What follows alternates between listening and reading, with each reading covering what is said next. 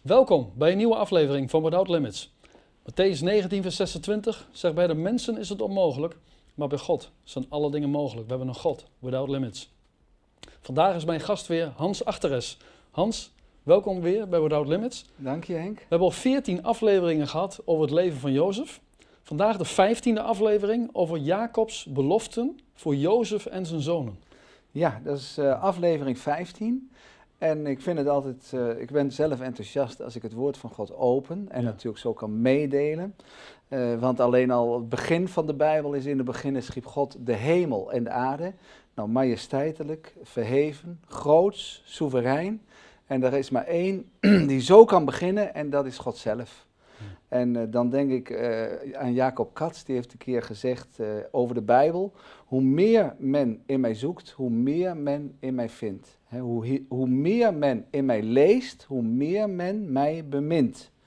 En dan, eh, ja, Psalm 109, die zegt eh, ergens: eh, Ik ben blij over uw woord als iemand die een rijke buit vindt. Ja. Nou ja, en dat is zo. Dus wanneer je daar meer mee bezig bent, wordt het rijk, doet het je goed en noem maar op. Dus Henk, als je het goed vindt, lezen we even Genesis 47, vers 27 tot en met 31. Ik vind het ook zo mooi dat eh, in de Bijbel staat dat als wij het woord openen, dat het licht verspreidt. Ja. Nou, wat gebeurt er als het licht verspreid wordt? Dan verdwijnt de duisternis. Ja, absoluut. is toch geweldig? En alle stof gaat uit je leven. Ja, amen. Dan worden we schoongewassen. Even kijken. eh, Genesis 47, hè, zeg je. Vers 27 tot en met 31. Daar staat boven Jacobs laatste levensjaren. Israël dan woonde in het land Egypte, in het land Gozen. En ze werden daar ingezetenen. Ze waren vruchtbaar en vermenigvuldigden zich zeer. Jacob leefde in het land Egypte nog 17 jaar. En de dagen van Jacob, de jaren zijns levens, waren 147 jaar. Toen de tijd naderde dat Israël sterven zou, riep hij zijn zoon Jozef en zeide tot hem: Indien gij mij genegenheid toedraagt, leg dan uw hand onder mijn heup en zweer dat gij mij liefde en trouw zult bewijzen. Begaaf mij niet in Egypte, want ik wil bij mijn vaderen liggen. Vervoer mij daarom uit Egypte en begaaf mij in een graf. En hij zeide: Ik zal doen naar uw woord. Daarop zeide hij: Zweer het mij dan. En hij zwoer het hem. En Israël boog zich aanbiddend neder aan het hoofdeinde van het bed. Waarom was het voor Jacob belangrijk hè, om in Canaan, Canaan begraven te worden? Ja, hij, eh, nou, eh, je moet het zo zien, hij was in Egypte. Toen hij in Egypte kwam, was, heeft hij nog 17 jaar eh, geleefd. Eh 12 jaar eh, dat hij geleefd heeft, was er geen honger meer. Dus de honger was inderdaad compleet voorbij. En hij had, zoals we dat gelezen hebben, eh, vlak voor zijn sterven had hij een expliciete, uitdrukkelijke wens. En dat was, zweer het mij. Zweer het mij dat je mij in Canaan zult begraven. En dan ja, begint het inderdaad bij Bethel, dat Jacob moest vluchten. Dat spreken we natuurlijk uit toen hij nog jong was, of heel jong, misschien ik noem maar wat 20 jaar of 21 jaar. En dat hij op een gegeven moment die ladder gaat ontmoeten, waar engelen opstijgen en naar beneden gaan. En Ja. waarin eh, God zich bekend maakt als de God van inderdaad Abraham en Isaac. En dan zegt de Heere, want hij lag daar min of meer te slapen. En eh, dan zegt de Heer, dit land waarop je ligt zal ik je nageslacht laten geven. Dus God sprak duidelijk tot hem toen hij nog heel jong was. 30 jaar later komt hij weer min of meer in die omgeving, terug in Canaan, want hij was dus gevlucht naar een ander land buiten Canaan. En dan op een gegeven moment zegt God opnieuw na 30 jaar, eh, dit land zal ik je nageslag geven. Ik ben de God van Abraham, Isaac en van jou. En ik zal het je zaad, zal ik dit land geven. Dus God had duidelijk gesproken, hoorbaar, merkbaar. En eh, er was nog een stukje bezit in Canaan, een spelonk, een familiegraf, eh, vlak in de buurt van Mamre en Machpela. En daar was Abraham en Sarah begraven, Isaac en Rebecca. En eh, dat klein stukje bezit wat ze nog hadden, daar wou ook Jacob, die werd genoemd Israël, die wou daar begraven worden. Hij had een rotsvast geloof en hij wou dat eh Jozef dit absoluut zou doen. En Jozef beloofde dat. En dan zie je ook in vers 31, en Israël, oftewel Jacob, boog zich aanbiddend neer aan het hoofdeinde van het bed. Met andere woorden, hij geeft zich over, hij is blij en dankbaar. Een, een, houding van dank, een houding van overgave. Hij heeft Jozef gezien, hij heeft zijn kinderen gezien. Hij heeft, hij heeft gezien dat de broers zich hebben verenigd, zijn zonen met elkaar. Hij heeft gezien, Gods plan wordt volvoerd. Ook ben ik in een vreemd land, maar ik zal terugkeren. Het nageslacht zal gaan komen. En er was uh, bij hem vrede en, uh, en rust. En dat zie je helemaal in de, in de houding van, uh, van Jacob terug. En het eind van, van Jacobs leven, dat zien we ook nog na die tijd, is geestelijk. Ja, dat is een toppunt. Uh, ik dacht eigenlijk aan het huwelijk. Het huwelijk begint, of elk huwelijk begint vleeselijk. Die twee zullen worden tot één vlees. Nou, als je gek op elkaar bent, dan uh, geeft daar gestalte aan. Dat hoort bij elkaar, zo is de natuur. Maar naarmate je lang getrouwd bent, of heel lang getrouwd bent, of ontzettend lang getrouwd bent, blijkt het al geestelijker te worden.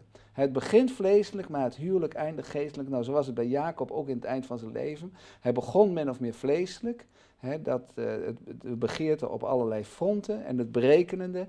Maar inderdaad, de geest van God kwam over hem. Hij had uh, gezien he, en had bemerkt zijn oude, zondige natuur afgelegd. De donkere wolken waren voorbij. Hij kende Jacob, kende bedrog. Hij kende wantrouwen. Hij kende angst. Hij wist wat sluwheid was, bezorgdheid, ongeloof, enorme lange depressie. En nou, op het eind van zijn leven, gaat hij profiteren en komt de heldere morgen, de stralingen van de heldere morgen over het leven van Jacob. En de wind van de Heilige Geest komt tot hem en hij gaat profiteren. Het is geen routine, maar hij gaat profiteren over zijn eigen kinderen, hè, de, de zonen, over zijn kleinkinderen. En dat sterfbed wordt een en al een zegenend uh, bed. Hij, uh, zoals velen zouden doen, geen testament, maar wat is mooier dan een profetisch woord? Dat was zijn laatste taak, voor iedereen een woord van God. En dan, uh, ja, Jozef, die hoort op een gegeven moment, nou ja, mijn vader is ziek, zie je vader is ziek. Dus hij schrikt hij, kijkt op, je zou zeggen, hij gaat herwaarderen waar, waar, waar, hij mee bezig was. Hij was altijd druk met staatszaken, zoals iedereen druk is. Maar dan neemt hij zijn kinderen mee, Manasse en Ephraim, want hij denkt en hij weet, de tijd gaat naderen. En er staat, hierna gebeurde het dat men tot Jozef zeide, zie uw vader is ziek. Daarop nam hij zijn beide zonen met zich mee, Manasse en Ephraim. Er ging een emotie door hem heen Net zoals wij zouden horen van onze eigen vader, inderdaad, hij uh, is ziek en de dood zal erop volgen. Ja. Uh, nou Henk, als we dat eens kunnen lezen, het is een beetje een lang stuk, maar dat is uh, Genesis 48, vers 1 tot en met 22. Ja, er staat boven Jacob zegent de zonen van Jozef. Hierna gebeurde het dat men tot Jozef zeide, zie, uw vader is ziek. Daarop nam hij zijn beide zonen met zich, Manasse en Ephraim. Toen men aan Jacob mee, meegedeeld had, zie, uw zoon Jozef komt tot u, verzamelde Israël al zijn krachten en ging op het bed zitten. En Jacob zeide tot Jozef, God de Almachtige is mij verschenen te Lus, in het land Canaan, en heeft mij gezegend en tot mij gezegd, zie, ik zal u vruchtbaar maken, u vermenigvuldigen en u maken tot een menigte van volken. Ik zal dit land aan uw nageslacht geven tot een altoos durende bezitting. En nu, uw beide zonen, die in het land Egypte geboren zijn, voordat ik, u tot voor, voordat ik tot u naar Egypte gekomen was, zij zijn de mijne. Ephraim en Manasse zullen mij als Ruben en Simeon zijn. Maar uw nakomelingen, die gij na hen verwekt hebt, zullen de uwe zijn. Naar de naam hunne broeders zullen zij genoemd worden in hun erfdeel. Wat mij aangaat, toen ik uit Padam kwam, is Rachel mij door de dood ontvallen in het land Canaan op de reis toen wij nog maar een eindweegs naar Efrat verwijderd waren. En heb ik haar daar begaven aan de weg van Efrat, dat is Bethlehem. Toen Israël de zonen van Jozef zag, zeide hij, wie zijn dit? En Jozef zeide tot zijn vader, dat zijn mijn zonen, die God mij hier gegeven heeft. Daarop zeide hij, Breng hen toch tot mij, opdat ik hen zegene. Israël ogen waren nu dof geworden en van ouderdom, hij kon niet zien. En Jozef bracht hen dichter bij hem. En hij kuste en omhelste hen. Daarna zeide Israël tot Jozef: Ik had niet kunnen vermoeden dat ik uw aangezicht zou zien. En zie, God heeft mij zelfs uw nageslacht doen zien. Toen deed Jozef hen van zijn knieën weggaan en boog zich neer met zijn aangezicht ter aarde. En Jozef nam hen beiden met zijn rechterhand, Ephraim aan Israëls linkerhand en met zijn linkerhand Manasse aan Israëls rechterhand en hij bracht hen dichter bij hem. Toen strekte Israël zijn rechterhand uit en legde die op het hoofd van Ephraim, hoewel hij de jongste was, en zijn linkerhand op het hoofd van Manasse. Hij legde zijn handen kruislings, ofschoon Manasse de eerstgeborene was. En hij zegende Jozef en zeide, God, voor wiens aangezicht mijn vaderen, Abraham en Isaac gewandeld hebben, God, die mij als herder geleid heeft, mijn leven lang tot op deze dag, de engel die mij verlost heeft uit alle nood, zegene deze jongelingen, zodat in hen mijn naam en die van mijn vaderen Abraham en Isaac voortleven en zij in menigte mogen toenemen in het land. Toen Jozef zag dat zijn vader zijn rechterhand op Ephraïms hoofd gelegd had, was dat verkeerd in zijn ogen. En hij greep de hand van zijn vader om die van Ephraïms hoofd te verleggen naar het hoofd van Manasse. En Jozef zeide tot zijn vader: Zo niet, mijn vader, want deze is de eerstgeborene. Leg uw rechterhand op zijn hoofd. Maar zijn vader weigerde het en zeide: Ik weet het, mijn zoon, ik weet het. Ook hij zal tot een volk worden en ook hij zal groot worden. Nochtans zal zijn jongere broeder groter zijn dan hij. En diens nageslacht zal een volheid voor volken worden. En hij zegende hen te dien dagen en hij zeide: Met u zal Israël zegen toewensen, door het te zeggen: God maken u als Ephraim en Manasse. En hij plaatste Ephraim voor Manasse. En Israël zeide tot Jozef: Zie, ik ga sterven. Maar God zal met u zijn en u terugbrengen naar het land uw vaderen. En ik geef u boven uw broeders een bergrug, die ik met mijn zwaard en mijn boog aan de Amorieten heb ontrukt. Ja. Je had het net over een profetie, hè? Waaruit blijkt dat een uh, profetie echt van God is en niet uit een mens? Nou ja, ik denk zelf, Henk, van uh, een profetie, als die van God is, dan wordt die door God zelf natuurlijk bevestigd. Het moet uitkomen. Het zijn, zoals ik het ervaar, soort witte paaltjes langs de weg waarvan je zegt, hé, hey, dat wordt telkens weer in de lijn wat de Heer al over mij of over een ander gesproken heeft. Ik heb zelf even, uh, want ik wist dat deze vraag zou komen, een, een, aantal profetieën in mijn leven heb ik gekregen. Ik heb er een stuk of vijf meegenomen. Ik noem heel kort even iets. Ja. Toen ik vijf jaar was, profeteerde iemand over mij. Mijn zoon, een zwaard zal aan uw heup zijn. Gij zult het vijandelijk terrein zuiveren met mijn zwaard en uw leven. Nou, dit is het zwaard van God. Ja. dit is het zwaard, het woord Gods. Uh, toen ik 22 jaar was, en dan, uh, dan lees ik nog even weer een klein stukje. Daar staat in deze profetie: Terwijl de nacht valt over deze wereld en ziet daar vele zielen ronddolen en vele handen zich uitstrekken naar mij, heb ik u geroepen om ze te voeden, mijn zoon. En iets verder. Uh, en gij zult uitdelen het woord van mij en ik zal het vermenigvuldigen. Nou, dat was toen ik 22 jaar was. Toen ik 25 jaar was, kreeg ik een profetie weer van een ander, die natuurlijk mij niet kende. Ik zal een bezuin aan uw lippen zetten en gij zult mijn komst verkondigen. Zo spreekt de Heer. Uh, toen ik 46 jaar was, en ik ben ondertussen 56, mochten de, de kijkers mij ouder of jonger inschatten, weten ze het. Maar toen ik 46 jaar was, toen zei een prediker, er zal een zalving zijn in je hart, op je mond, naar het woord van de Heer. En toen ik 52 jaar was, heeft een ander gezegd, luister nauwgezet naar de geest, want je zult een weg zijn tot leven, tot troost, tot bemoedering, zult helpen en woorden spreken van genezing. Geweldig. Kijk, dat is de Heer, die geeft telkens weer een bevestiging door middel van, van die witte paaltjes in je leven. Het woord staat bij mij centraal. En Jacob hoort inderdaad eh, hij weet en hij hoort van mijn zoon Jozef komt, die woonde vermoedelijk uh, toch een eind van hun vandaan, van de familie, met die twee zonen. En hij maakt zich geestelijk, gaat hij zich voorbereiden. Gaat zitten, hij richt zich op en hij weet, dit is belangrijk. Vanaf het moment dat ze binnenstappen, gaat niet Jozef het initiatief nemen, maar Jacob, die zelfs toen ziek was. Maar hij krijgt de Heilige Geest over zich en hij gaat spreken. En hij was min of meer blind, want hij wil weten, zijn dit echt de zonen van uh, Jozef? En, maar hij had toch Gods ogen. Hij werd verlicht.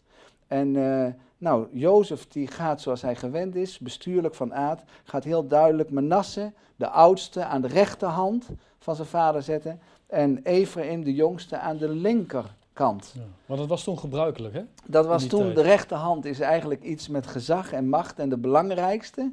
Maar Jacob weet op dat moment door de geest van God, uh, ik ga het estafette stokje overdragen. En ze gaan allemaal op de knieën. Ze weten, dit is een heilig moment. Dit zal nooit meer terugkeren, maar God gaat spreken. En hij adopteert ze in feite, uh, deze Manasse en uh, Ephraim, eigenlijk zonen van Jozef, als totaal zijn eigen zonen. En dat heeft inderdaad uh, enorme gevolgen vanuit Gods plan gezien. En uh, toen dacht ik, ja, op de knieën, dat is de juiste houding. ik had een week geleden bij mij nog stratenmakers en ik dacht bij mij op de koffie. En ik denk dat is het meest hemelse beroep. dat is op de knieën en achteruit.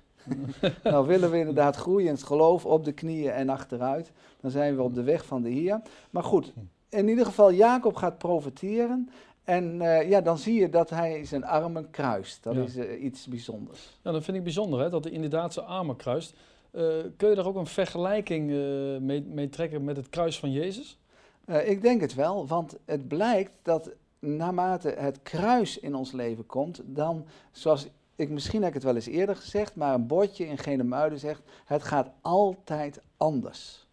Nou, zo is het, zo is het ook met, met de weg van God soms met ons leven. Dat je denkt van wat vreemd. Net zoals Jozef, een man op vreemde wegen. We moeten soms de kruisweg gaan. Jozef was echt een bestuurlijke gave. Hij was besluitvaardig en hij had de regie of regie over wat er ging gebeuren. Ja.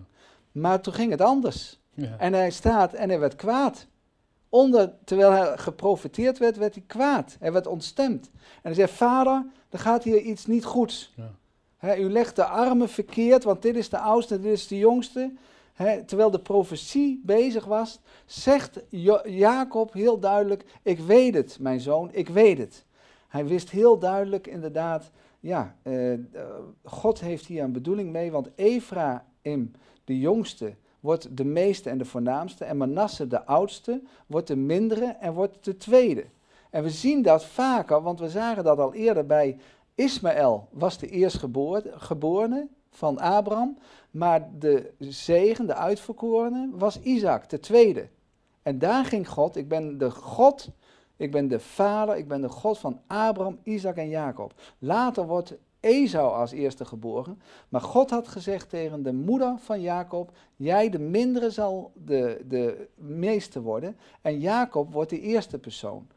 dan zie je bij Jozef dat hij inderdaad een belangrijke positie onder de broers vertegenwoordigt dan Ruben, die eigenlijk als eerstgeborene wordt geboren. En hier zie je bij Ephraim wordt de eerste en Manasse, die de eerste was als eerstgeborene, wordt de tweede. Dus het gaat altijd anders. Ja, dat is soms Gods keuze. En wij, ja, wij, wij kunnen dat soms moeilijk vatten. Of ons verstand zit in de weg. En dan profeteert hij dat de twaalf zonen van Jacob, dat, uh, dat die zou gaan bestaan uit twaalf stammen. Dat is overduidelijk.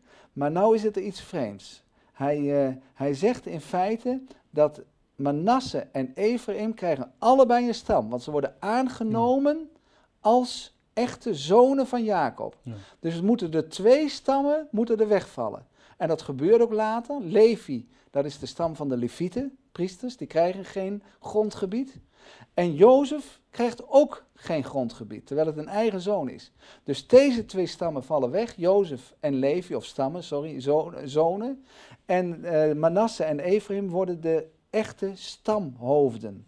En uh, ze worden losgekoppeld in de profetie van Egypte.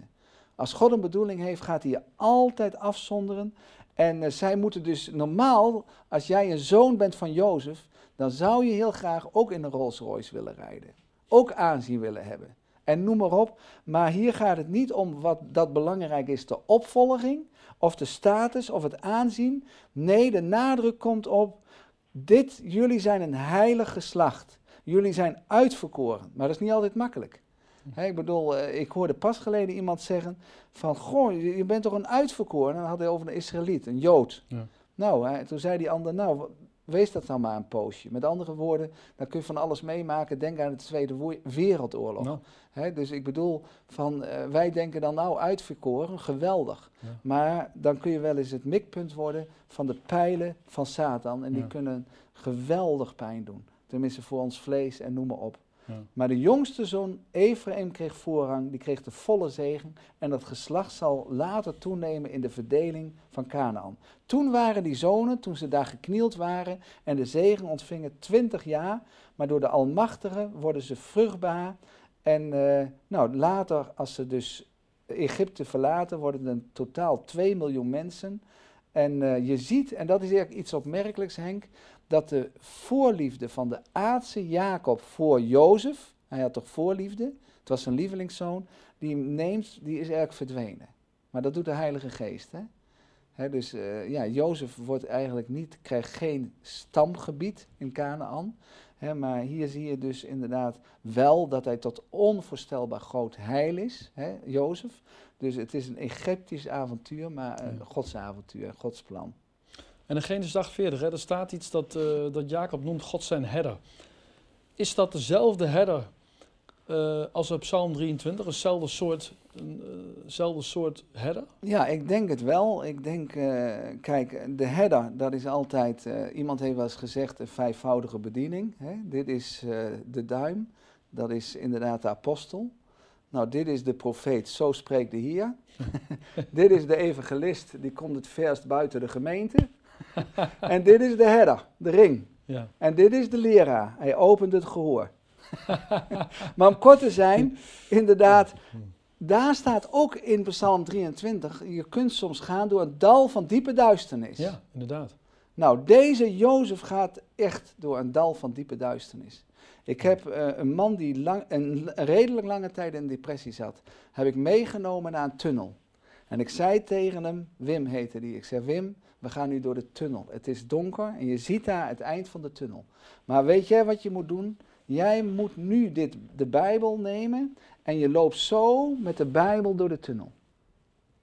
Dit is het woord van God. Al ga ik door een dal van diepe duisternis. Satan, en jij zegt, je zit in die duisternis. Maar Gods woord zegt dat niet, dat je zit in de duisternis. Je gaat door die duisternis heen. Al ga ik door, een dal van duisternis. maar de Satan en de mens zal zeggen, ik zit erin en ik blijf erin zitten en ik kom er niet meer uit. Maar het is een leugen. Je moet zeggen, Gods woord zegt, ik ga er doorheen. En deze man ging er doorheen. En later heeft hij me verteld, misschien ik weet niet twee weken daarna of korter, maar hij vertelde dat hij lachend wakker werd en de depressie was voorgoed verdwenen tot op heden. Oh, hij zou hiervan kunnen getuigen. Dat doet de Heer. Geweldig. Dat doet de Heer. Jozef inderdaad daar staat ook ergens in, uh, misschien heb je het gelezen, maar het valt denk ik niet op, in Genesis 48, vers 6. God houdt van verrassingen in de profetie over Jozef. Jozef krijgt nog meer kinderen, maar ze worden niet vermeld. Wil je nog eens lezen uh, Genesis 49, vers 22 tot en met 26? Genesis 49, vers 22 tot en met 26. 22 tot en met 26. Daar staat: Een jonge vruchtboom is Jozef een jonge vruchtboom aan een bron. Zijn takken stijgen boven de muur uit. De boogschutters hebben hem getergd, beschoten en vijandig bejegend. Maar zijn boog bleef stevig en zijn sterke handen bleven lenig. Door de handen van de machtige Jacobs, daar de steenrots Israël zijn herder is. Door de God uw vaders, die u zal helpen, en de Almachtige, die u zal zegenen met zegeningen des hemels van boven, met zegeningen van de watervloed die beneden ligt, met zegeningen van de borsten en de moederschoot. De zegeningen van uw vader gaan de zegeningen van mijn voorvaderen te boven. Rijkende tot het kostelijkste der eeuwige heuvelen. Zij zullen komen op het hoofd van Jozef, op de schedel van de uitverkorene onder zijn broeders. Ja, hij was afgezonderd, maar hij, hij, zijn, zijn takken zullen komen tot boven de muur. Hè? Hij is een vruchtbare boom, een vruchtbare tak. Ja. Nou ja, het volgende, als wij vrucht dragen, zoals jij en ik door genade denk ik mogen vrucht dragen, nou berg je dan maar. Kijk, als jij zo die tak tegen die muur op gaat, is er beveiliging, is er nog beschutting. Dat is nog wel te doen. Maar kom je boven de muur, gaan ze op je schieten. Gaan ze zeggen, hé, hey, Ja. daar ben ik niet mee eens. Of daar zie ik niet zitten. Of dat staat me niet aan. Of waar ben je mee bezig? En noem maar op. Door de mensen heen. Maar ook Satans pijlen komen tot je wanneer jij vrucht draagt boven de muur. Dan is er geen beschutting. Dan kan de boze inderdaad zijn gang gaan. Nou, dat waren ook bij Jozef. De boogschutters hebben jacht op je gemaakt. Ze hebben je gehaat, bitterheid aangedaan. De broers hebben hem bespot, gekleineerd, beroofd, bedreigd, vals beschuldigd. Bij Potifar werd hij vals beschuldigd. Ze hebben hem misschien geminacht om zijn Hebreeuwen te zijn. Misschien wel zelfs in, eh, terwijl hij onderkoning was. Ja, dat kan gebeuren Ja. als je vrucht draagt. En deze profetie, hè, die, eh, die getuigt denk ik van, van een sterk geloof. Ja, ik denk, eh, hij, bovenal is het God zelf, hè, maar het is een samenwerking. Hè, eh, de duivel heeft eh, dwangarbeiders, maar de Heer heeft medearbeiders. Ja. Hè, dus we moeten leren, maar wat ik nu zeg in één zin is onvoorstelbaar moeilijk in het leven. We moeten beproevingen doorstaan en verzoekingen weerstaan. Maar bovenal blijkt het, ook bij Jozef, we hebben het gelezen, hij werd gesterkt door de handen van de machtige God. Hij zal u zegenen met uitnemende zegeningen. Hij was de broodheer, vader, van het, vader des vaderlands. En eh, hij heeft Israël gered, tenminste de familie, en daarmee ook Gods plan verwezel, verwezenlijkt om ze in Egypte te laten wonen. En eh, ik wil nog eindigen even met de typologie, eh, Henk. Daar staat Jozef een type van Jezus Christus. Profetie van Jacob over Jozefs zonen. Jozef, Genesis 48, en jullie nageslacht en zaad zal een volheid van volken worden. En hij zegende hen en zei, met u zal Israël zegen toewensen, want God maakt u als een stam van Israël, te weten Ephraim en Manasse. En dan bijvoorbeeld een profetie van de engel Gabriel bij de aankondiging van Jezus' geboorte tegen Maria. Lucas 1, vers 33. De Heere God zal hem de troon van zijn vader David geven en hij zal als koning over het huis van Jacob, Israël, heersen. Amen. Nou, geweldig om mee te eindigen. Hans, hartelijk dank Ja, voor eh, je kennis die je met ons gedeeld hebt. graag gedaan. En we zien je graag volgende week terug bij de laatste aflevering over het leven van Jozef. Dank je.